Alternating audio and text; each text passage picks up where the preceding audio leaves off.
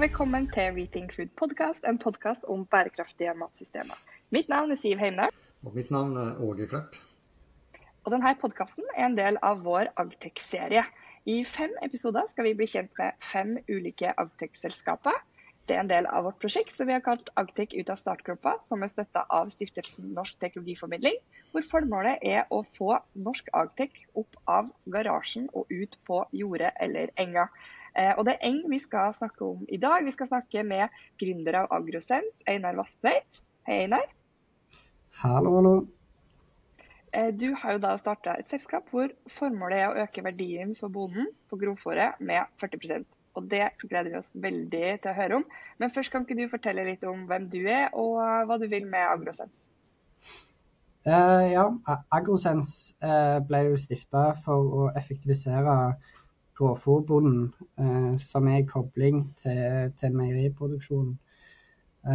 der står jo 70% av landbruksjorda i Norge og produserer grovfòr. Og så har vi jo beiter i Norge, som er en veldig viktig ressurs. Um, så, så, litt av grunnen til at jeg starta Agrosens, var vel at jeg så jeg så at de andre store aktørene eller, eller andre oppstartsselskaper ikke så helheten i, i enga, og, og verdsatte ikke hvor, hvor viktig bonden var som en key enabler i, uh, i dette systemet.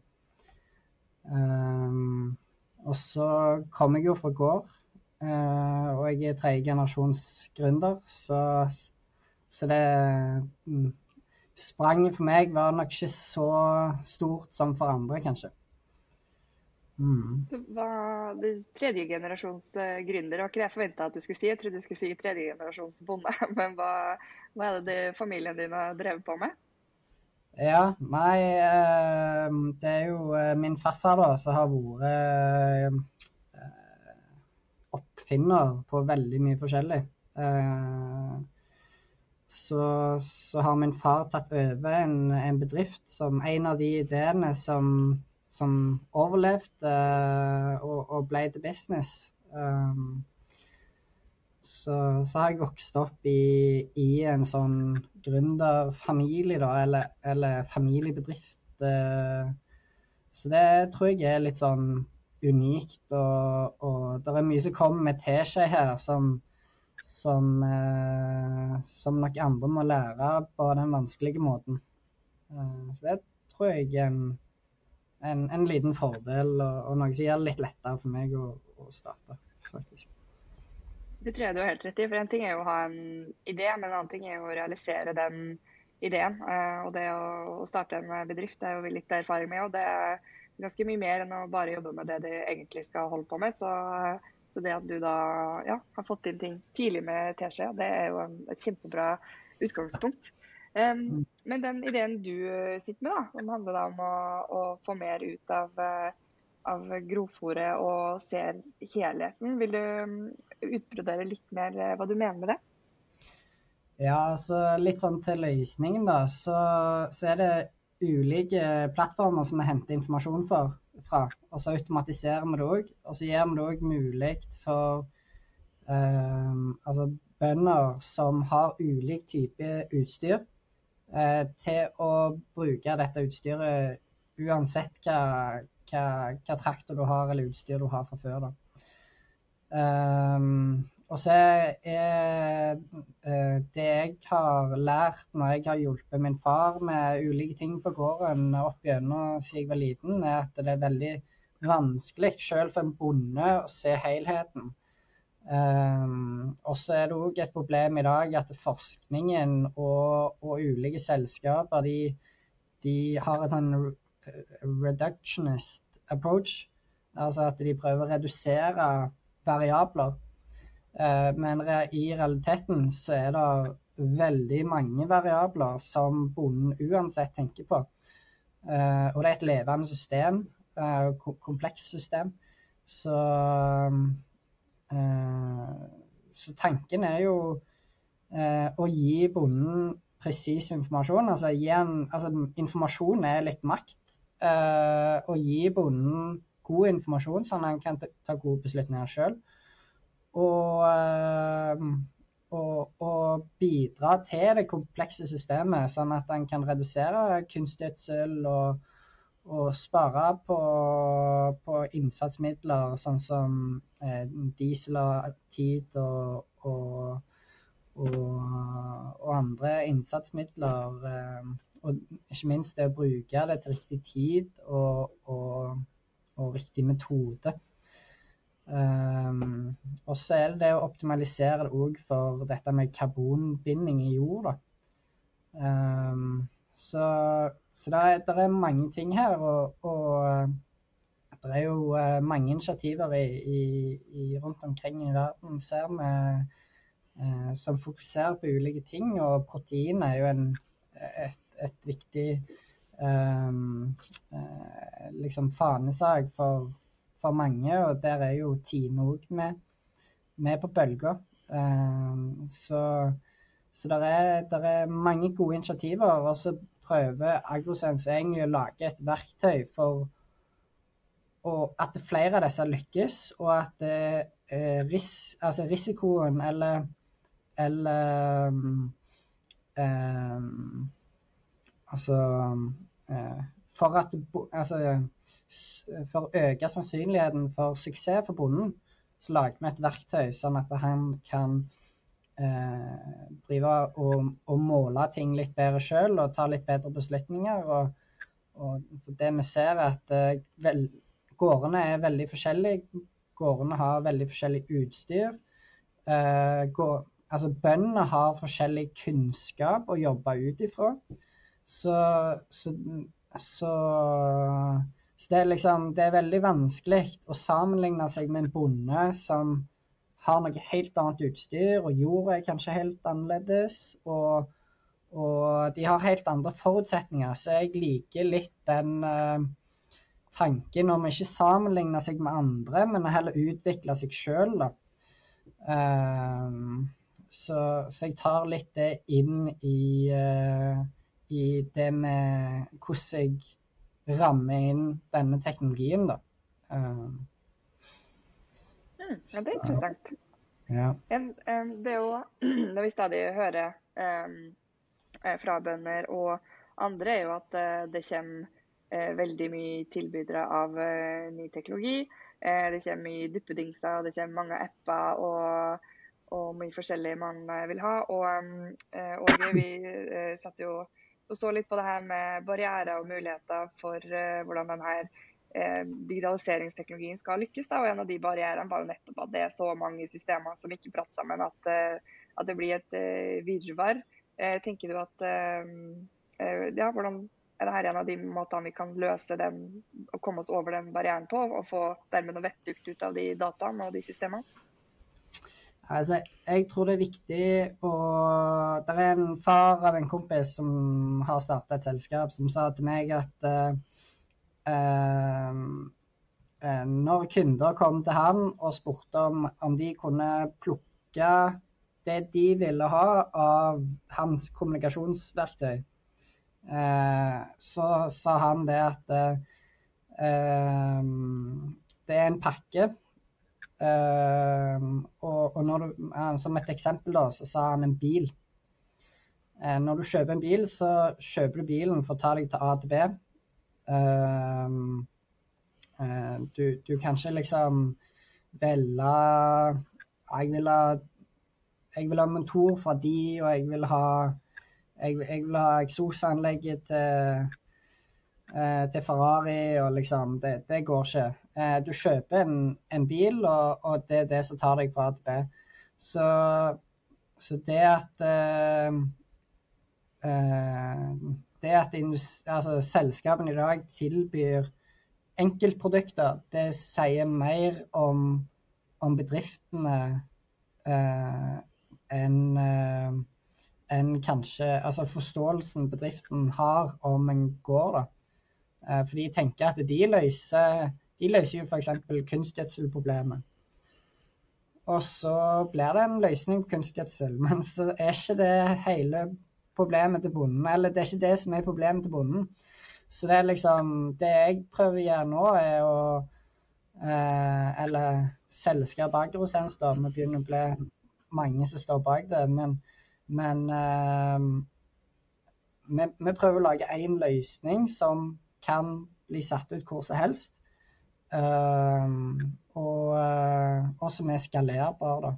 Uh, så det tror jeg vil bidra til å hjelpe litt på sånne ting som dette. Men, men, men det, det, du sier der, er en av grunnene til at jeg starta selskapet òg litt. At jeg så de problemene som du peker på nå. da.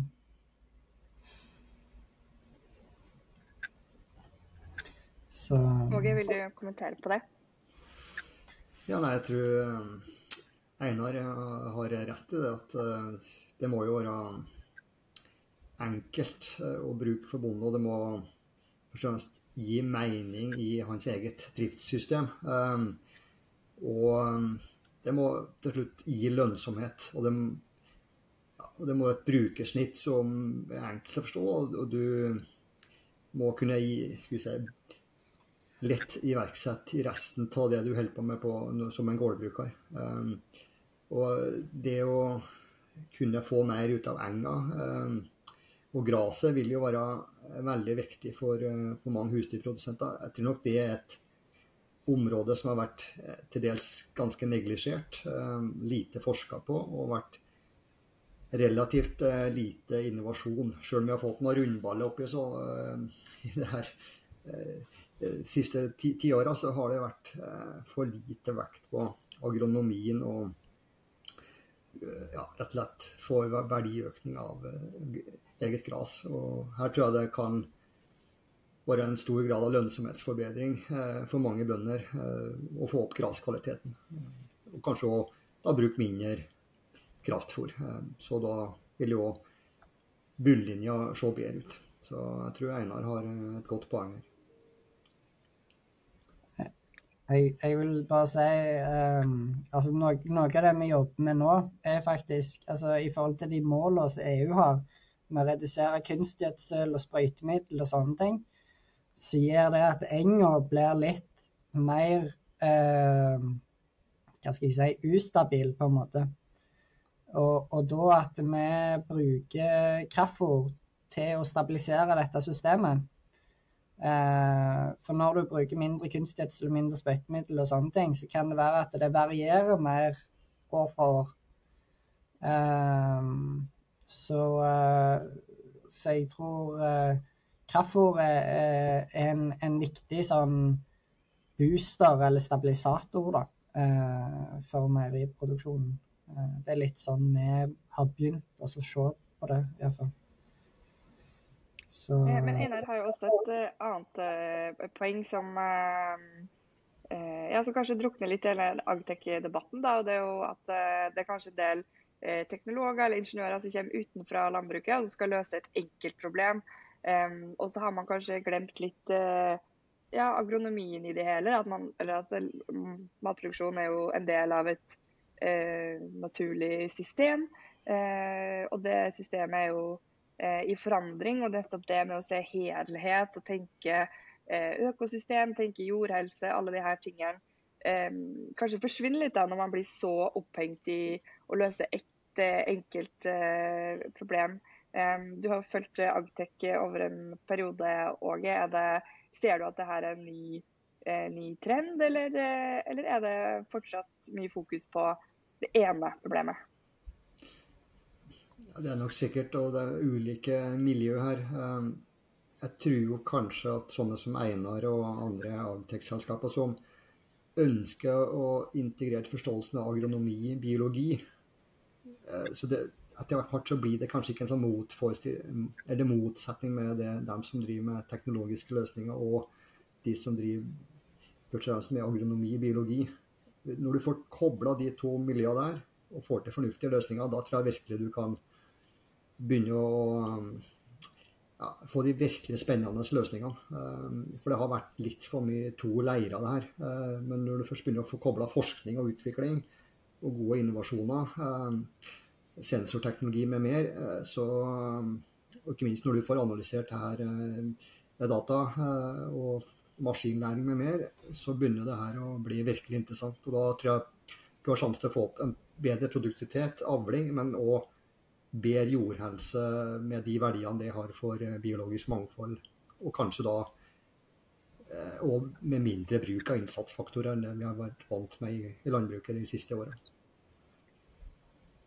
Du har jo et forskningsprosjekt gående med Sintef, Einar. Vil du fortelle litt om hva det går ut på, hva du ønsker å oppnå med det?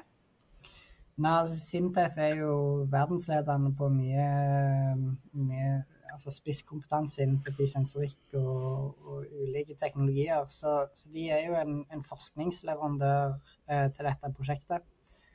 Um, så, så, tanken er jo at de skal bidra inn med, med sin spisskompetanse og, og, sånne ting. Men jeg kan jo si at uh, uh, Sintef har jo hatt en del prosjekter allerede i ulike foraer, og, og uh, jeg merker at de har en, en litt annen forståelse av uh, liksom teknologibygging, og, og, det har tatt tid for å få de til å forstå visjonen vi har for landbruket. og, og det å det å forstå at det er ikke bare det som vokser over bakken som vi skal tenke på, men òg det som vokser under bakken. Og tenke på bonden oppi det hele og forstå hvordan han jobber og sånne ting. Det, det du skal um, Ja, det, det, er enkel, det, er ikke enkelt å formidle dette her heller, faktisk. Så, så vi har jobba litt med, med å liksom eh, bygge kart og, og ulike verktøy for å, for å, bygge en sånn felles forståelse, faktisk. Eh, så vi har måttet liksom nesten bygge ny kunnskap eh, for å liksom bli enige om, om, om grunnlaget her, da, på en måte. Uh, det, det, er jo ikke så rart er sånn egentlig, for de fleste når du tenker på matproduksjon, så er jo det som er oppå jorda som vi fleste tenker over. Vi tenker ikke så mye at det foregår eh, ting under jorda, men, men det gjør jo det. Vil du snakke litt om, om jordhelse og karbonbinding og, og, de tingene som du for så vidt allerede har nevnt litt om òg, da? Ja, altså det jeg vil si der, er at det er veldig mange som glemmer at det er en, det er en symbiose eh, mellom plante og jord. Eh, sånn at eh, eh, så, sånn at det vi ønsker er egentlig å bidra til å øke den symbiosen. Sånn at mer av næringsstoffene kommer fra jorda. Og hvis mer av næringsstoffene kommer fra jorda, så gir òg eh, planten mer karbon til jorda. For det at de driver en byttehandel. Um, så, uh, så, det tror jeg er litt sånn underkommunisert. Og, og uh, det jeg ser, er at uh, altså, kunstgjødsel er viktig for, at, for, å hente ut det siste, og, og for å, at du ikke utarmer jorda for næringsstoffer. Men, men kunstgjødsel bidrar faktisk til å, at, at, du ikke gir insentiver til planten for å samarbeide med jorda. Uh, så det er Jeg tror faktisk det er interessekonflikter her der uh, store selskaper og kanskje litt myndigheter har en interesse av at, uh, at bonden kjøper kunstgjødsel. og at det er altså Kunstgjødsel har vært veldig billig veldig lenge. Så det har liksom bare Det har vært lønnsomt, da og, og gjøre det på den enkle måten. Eh, og ikke tenke på eh, konsekvensene eller, eller helheten og sånne ting. Da. Så, eh, men, men, jordhelse er, er, noe som er underkommunisert. Jeg forsto på, eh, på Ola eh, Hedstein at når han studerte, så var det ikke så mye fokus på eh, på, på, jordhelse eh, når, når, det ble undervist. Det var liksom det som var over bakken. Um, så, og, og, forskerne jeg jobber med uh, nå, i f.eks. Felleskjøpet, de, de, uh, de, sier at uh, liksom jordhelse det er noe som er Det det er ikke jeg snakker veldig mye på engelsk, så jeg har lyst til å si engelske ordtrykk her. Men, men, men det er ikke utforska, dette med jordhelse da, og, og fordelene og, og, og, sånne ting. Så, så det det er liksom noen eh, lag her, og EU er jo veldig frampå nå med, med jordhelse. Og det er jo der eh, Agrosense er med i et viktig initiativ her i Rogaland innen, innen eh, Living Lab, med fokus på jordhelse og, og grasslands, da, altså gressletter og, og sånne ting. Så, så det, dette er noe som er veldig up and coming. Eh, men liksom dagens business eh, og, og, dagens selskaper har ikke liksom har ikke den visjonen eller, eller den de elementene i seg eh, til å ivareta dette. Så, så det er um, uh, jeg, har, uh, jeg har blitt spurt hvordan vet du hvordan EU vil på alt. Men, men, dette tenkte jeg egentlig ut når jeg starta selskapet i 2019, for fire år siden. Uh, og så har EU egentlig beveget seg etter, etter, hva jeg tenkte, da. Så jeg har vært litt heldig at jeg har kommet Jeg lå litt foran bølga, da. Um, så, så, det Ja, det, det, er veldig kjekt. Så, så jeg har liksom Jeg tenkte ut hvordan jeg så for meg denne industrien og det jeg satser på, og, og, og hva som er riktig for landbruket. Og så, og så, er det det jeg investerer i, og, og sånne ting. Så ja. Så, nå gikk jeg litt ut forbi det med jordhelse, men ja. Eh, Åge, du har jo fulgt denne eh, næringa ganske lenge. Du har kanskje ikke, ikke, like lenge som vår gode kollega Ole Hensten, men, eh, men, en god stund. Um, og Hvordan vil du si da at det her fokuset på jordhelse vil jo si at det egentlig har vært nesten ikke prata om i det hele tatt, bortsett fra kanskje et par veldig ivrige miljøer. Men at i de siste åra så har det jo har du begynt å murre litt og begynt å komme noen undersøkelser. Og, um, I det siste bl.a. Nibio har jo, har jo starta et, uh, et, arbeid der. Um, vil du si litt om hva du har funnet på dine Google-søk Google-søk og de pratene du har hatt i dine nettverk de siste åra?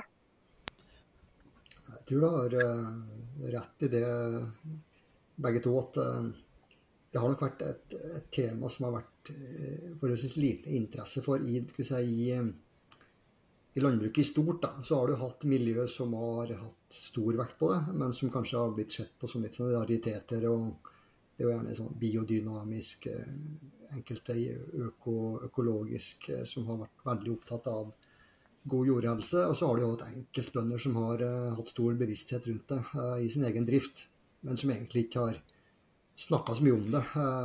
Men har hatt relativt gode resultater på egen gård. Men kanskje vært lite opptatthet rundt det i, resten av næringa. Men jeg syns det begynner å se et skifte. Eh, både i forskningsmiljøer eh, og blant bønder. At de begynner mer, mer opptatt av jordhelse. og i EU så har det jo blitt en, et, et, stort område. Men jeg har jo en mistanke om at kanskje det, det, det, det her er et, et, av de større skiftene jordbruk og matproduksjon skal gjennom at vekta på god jordhelse blir noe som virkelig kommer til å sette seg. Og det kommer til å komme et løft både på forskning, eh, agronomi, utdanning, biologi. Det er jo store mistanker om at det her jordhelsa og mikrolivet der forflytter seg opp i, i, i verdipyramiden. Så stor betydning for planter, stor betydning for dyrehelsa. Og mange vil jo hevde at det har stor betydning for vår folkehelse. Eh, men her er det mange, mye som er ukjent. Og, eh, så her kommer til å skje mye de neste åra. Det, det, kommer til å skje mest på kort sikt, er nok eh, på produksjonssida hos, bonden. Da med vekt på de måla som EU har satt seg. Bruk mindre plantevernmidler. bruk mindre kunstgjødsel. Sørg for at jorda er i bedre forfatning, eh, sånn at du er bedre i stand til å ta eh, nye flommer, eh, mer intens nedbør. Vi har en viss fare for at det blir enkelt eh, selv i Norge med mer tørke. Og jord som er god helse, vil ha større, mye større sjanse til å, å klare å, opprettholde produksjon og i de si, tørre tidene, hvis helsa er god. Så jeg tror her kommer til å skje veldig mye. Og forhåpentligvis vil òg en del av løsningene og kanskje gi en bedre lønnsomhet eh, for bøndene. Og det vil nå være viktig oppi det, oppi det hele. Mm. Hvor er, du, hvor er, du, i løypa nå da, Einar? Er du, er du, der at du kan begynne å tilby eh, løsningen din til bønder i morgen, eller, eller er du fortsatt på forskningsstadiet? Nei, vi, vi skal forske i, i, tre år til. Um, og så er planen å gå til marked i 2026. Um, så, men uh, vi kommer nok til å kjøre noen parallelle løp der vi nok uh, kommer til å demonstrere teknologien og, og dette Living Lab-prosjektet, hvis, hvis, den går inn i EU eller, eller nasjonalt, så, så, kommer vi til å, å begynne å, å demonstrere eh, Disse Living Labene eh, går gjennom stadier der de blir lighthouses eh, til slutt, eh, for å liksom vise litt andre. Så um, så, så vi, er ikke, vi, er ikke, i salg nå. Det er vi ikke. Det er jeg litt glad for òg, for da, det er veldig mye arbeid å, å, å drive med salg. Så, så da kan jeg eh, fokusere på forskning og utvikling og, og, og slippe, det, slippe, å balansere den biten der. Mm. Så, eh, du sa jo at eh, du prata mye engelsk, så da lurer jeg da på om om det er Norge som er det markedet du har sett for deg, eller om det, du skal ut og ta verden med storm med, med en gang? Nei, altså Norge er jo et sånn first mover-marked. Med veldig, veldig mange ligger langt framme teknologimessig. Men det er et lite marked som er litt fragmentert. Og uh, selv om det er mange early movers, så er det sånn totalt sett så er det nok andre regioner i Europa som kanskje er mer lukrative for selskapet. Uh, og så er det òg uh, Norge ligger jo litt ut forbi EU. Uh, Norge henger litt bak EU på noen ting. Så, så det er òg en liten sånn eh, Noe som gjør andre europeiske land mer lukrative. For det, det, jeg har sett, er at for å få kostnaden ned på teknologien og på løsningen, og for at jeg skal få til de tingene jeg planlegger, så må jeg ha et stort marked for selskapet. Um, så, men jeg tror, jeg tror, Norge Norge er jo det markedet jeg kjenner. Uh, så jeg tror uh, Norge blir et viktig marked for, for selskapet. Men uh, men, men, det er nok en av, av flere førstemarkeder. Vi kommer til å gå inn i flere samtidig. Um, for, å, for, å, ha en eh, stort nok marked, rett og slett. Mm. Hva som skal til nå da, de neste tre, tre åra før du var 2026 som var lansering? Hva som skal til for at du skal lykkes, og at uh, ja, du dukker opp i alle de markedene du tenker i? Nei, det er, det er, jo mange ting som skal klaffe. Uh, enormt mange ting. Det er liksom Hvis jeg visste når jeg starta fire år siden hvor, uh, hvor, mye jeg ikke visste, så uh, så hadde jeg nok uh, syntes det virka skummelt. Men, men, jeg har jo òg visst litt gjennom mine foreldre og, og familiebedrift hvor vanskelig det faktisk er. Um, så uh, men, men, det Altså, det jeg tror er litt viktig, det er det å, å, å finne de tingene som er viktige for selskapet i de ulike stadiene. For det, selskapet går gjennom ulike stadier. og og noen ganger så går du opp noen løyper for å teste en hypotese, for så å gå tilbake. Og da, da trenger du litt forskjellig kunnskap og, og, eh, og, hjelp i de ulike fasene som du går gjennom. Um, så uh, det er, jo, det er jo noen selskaper som lager en dings, en lader, og så er det liksom fiks ferdig, og så er det gå til marked, liksom. Men, men hvis du skal lage noe litt mer komplisert eller, eller litt større, så så trenger du litt tid til forskning, og, og du, du Eh, du trenger litt ulik eh, kompetanse og støtte i de forskjellige fasene. Så jeg har ikke noe sånn plain godt svar på hva, hva selskapet trenger, eller andre agritech-selskaper trenger. Men, men eh, det er mange som peker på penger. Men, men eh, penger og kapital har òg en kostnad. Eh, så, så det, det å liksom finne Altså, penger kan jo få deg til å gå fortere og sånne ting, men, men, øh, men du må liksom finne de riktig kapital, da. For hvis du henter engleinvestering, så skal de ha 40% avkastning, så det, i året så er det ganske dyrt lån for selskapet. Og, og det kan faktisk begrense selskapet. Uh, men uh, så, så, det er liksom det å, å, å, finne det som er riktig for der du er med ditt selskap, da, tror jeg er, er riktig å si til det. da. Mm. Og det tror jeg nok den erfaringa du har hatt med den familien din og det å drive gründerselskap, kommer veldig etter de første og beste pengene som er tilgjengelig. Men det er jo, som du sier, og ja, være litt klar over hva det faktisk innebærer. da. Ja, de, de har eh, eh, tatt patenter f.eks. på og, og, og, brukt millioner på det uten å få noe ut av det, f.eks. Men, men de har jo altså all ære det å starte et familieselskap uten investorer og, og bygge det helt fra bånn. Det, det, det, er kanskje det som er det vanskeligste.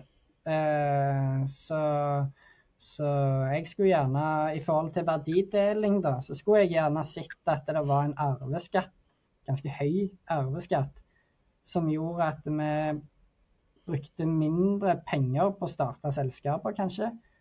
Eh, og, og, at vi var litt mer nøkterne. Og så at når dette skulle gå til neste generasjon, at, at heller verdidelinga skjedde der, i stedet for sånn som det er i dag. at alle skal ha en del av selskapet veldig tidlig. Uh, og da, da, ender vi opp med å selge teknologi og, og ideer og, og, bedrifter til utenlandske uh, fond og, og, eiere. Så, så det, det, har litt sånn konsekvenser, dette her. Uh, og jeg er jo oppvokst med, med familiegård og, og familiebedrift, så jeg, det er liksom det jeg kjenner til. Uh, men, uh, men det Nå uh, går jeg òg inn i et stadie der selskapet skal vokse. Og, og, det handler om å finne balansen, tenker jeg. Så jeg, jeg tror det, det, er vanskelig å starte et sånt selskap som jeg prøver å få til uten ekstern kapital. Mm. Det skjønner jeg. Det er ganske store, en stor visjon du har tenkt å, å oppnå, og store ambisjoner. Men det er jo det vi trenger når vi skal når vi skal omdanne eh, matsystemene våre i mer bærekraftig retning. Det blir veldig spennende å følge med på det videre. Så um, vi sier takk for her, og så høres vi vel. Ja. Tusen takk.